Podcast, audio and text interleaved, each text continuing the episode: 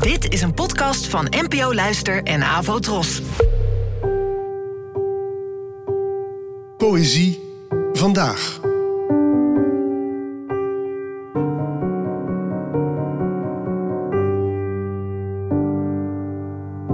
Hallo, dankjewel dat je luistert. Vandaag een gedicht van de Engelse dichter Philip Larkin, geboren in 1922 en gestorven in 1985. Het gedicht werd vertaald door Jan Pieter van der Sterre, die de tweetalige bloemlezing Het leven met de gat erin uit het werk van Larkin samenstelde en vertaalde. Praten in bed. Praten in bed. Simpeler kan het niet. Dat samen liggen is een oeroud beeld. Twee mensen die in eerlijkheid volharden. Maar al maar meer verstrijkt de tijd in stilte. Buiten bouwt de wind, niet heel onrustig, wolkenmassa's en blaast ze dan aan.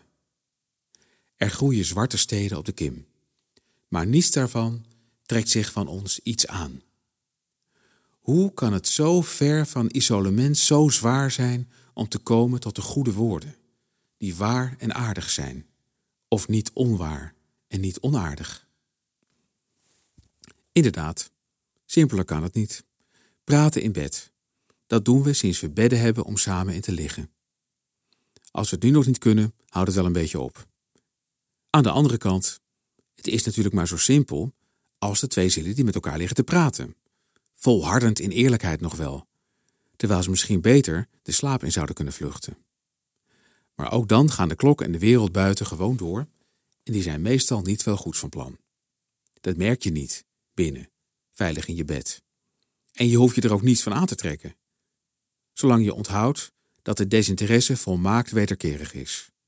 Zoals de dichter schrijft, maar niets daarvan trekt zich van ons iets aan. Tegelijkertijd hou je met dat besef de wereld en de tijd alsnog als bedgenoten tussen de lakens, waarin je samen plotseling als twee naakte handgranaten op ontploffen ligt.